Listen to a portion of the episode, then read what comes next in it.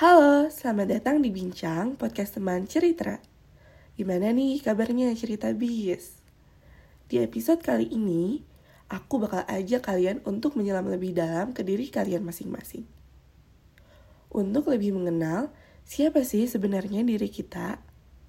Nah, sebelum kita lanjut bahas-bahas tentang kepribadian, aku punya beberapa pertanyaan nih ke cerita bis. Pernah gak sih cerita bis ngerasa, kok dia orangnya keras kepala banget sih? Kok dia orangnya bisa perhatian banget sama orang lain? Kok ada juga nih orang yang selalu berani untuk ngelakuin sesuatu? Aku jadi mereka sih nggak mau atau nggak berani atau bahkan gak suka lah sama hal-hal kayak gitu. Eits, tapi tunggu dulu. Pertanyaannya, emang kamu bisa jadi mereka? Sebaliknya, emang mereka bisa jadi kamu? Ngerasain apa yang kamu rasain dan akan mikirin kayak apa yang kamu pikirin. Itulah kompleksnya manusia. Tinggal di tempat yang sama, makan makanan yang sama, bahkan lahir dari rahim yang sama, gak akan menjamin mereka akan memiliki kepribadian yang sama. Jadi, apa sih sebenarnya kepribadian itu? Kepribadian pada dasarnya mengacu pada bagaimana seseorang berpikir, merasakan sesuatu, dan bertingkah laku yang menjadi ciri khas dari orang tersebut. Jadi, kesimpulannya, kepribadian orang itu bisa berbeda-beda loh. Banyak nih teori-teori yang menjelaskan tentang kepribadian. Contohnya ada MBTI yang membagi kepribadian ke 16 tipe. Dan ada juga Enneagram yang membagi kepribadian ke 9 tipe. Nah, Mungkin sekarang cerita habis bertanya-tanya nih, apa sih yang bikin kepribadian orang itu bisa berbeda-beda? Sekarang coba kita bayangin ya, sebut saja namanya A. Dia seorang anak tunggal dan kedua orang tuanya sudah bercerai karena pertengkaran yang gak pernah selesai. Keributan yang sering terjadi di rumah A membuat A sedih bahkan stres karena ia merasa tidak ada yang bisa mengerti dia. Terlebih, dia adalah seorang anak tunggal yang membuat dia semakin bingung untuk memilih teman bercerita. Sehingga dia tumbuh menjadi seseorang yang terbiasa untuk memendam masalahnya sendiri. Sedangkan B adalah anak yang tumbuh dari keluarga yang hangat, terbuka, dan sering bertukar cerita antara satu sama lain. Perhatian yang diberikan oleh keluarganya membuat dia mudah untuk memberikan perhatiannya ke orang lain juga. Apa yang kamu pikirkan kalau A dan B bertemu dan saling berkenalan. Mungkin B dengan segala perhatiannya akan mencoba untuk membantu A menyelesaikan permasalahannya. Sedangkan A yang terbiasa untuk memendam semua masalahnya sendiri, merasa terganggu dengan bentuk perhatian yang B berikan.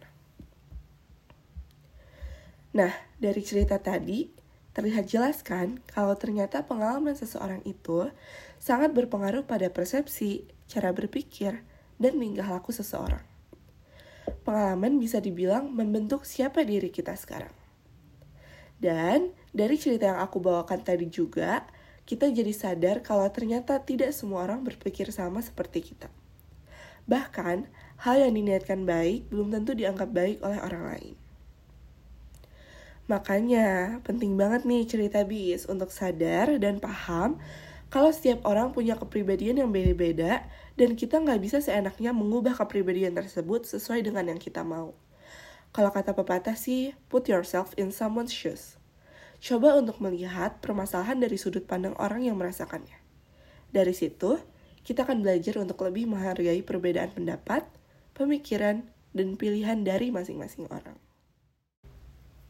Sekarang, mungkin cerita bis penasaran lagi nih bisa nggak sih kepribadian orang itu berubah-ubah? Menurut Journal of Personality and Social Psychology, kepribadian seseorang bisa berubah sesuai dengan pengalaman dan lingkungan tempat ia berada.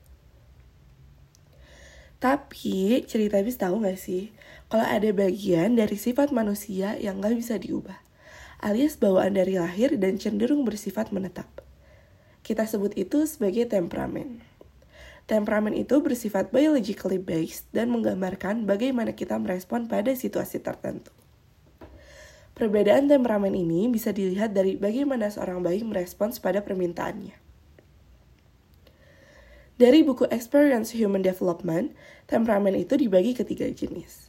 Yang pertama adalah easy child, yaitu bayi yang merengek ketika meminta sesuatu dan akan segera kembali tenang ketika permintaannya dipenuhi. Yang kedua adalah slow to warm up child, yaitu ketika permintaannya dipenuhi, bayi tersebut akan tetap menangis dengan intensitas yang menurun sampai kembali tenang.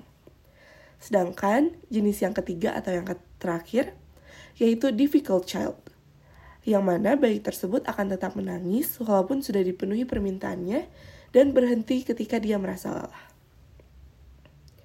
Jadi, selain pengalaman, faktor temperamen juga berpengaruh sama gimana seseorang merespons pada suatu peristiwa.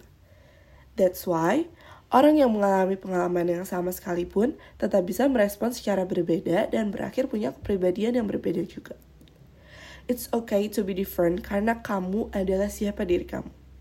Kamu adalah apa yang kamu pikirkan, apa yang kamu rasakan, dan apa yang kamu tujukan untuk kamu di masa depan. It's okay to be different karena setiap orang punya cerita. See you in the next episode Cerita Bis.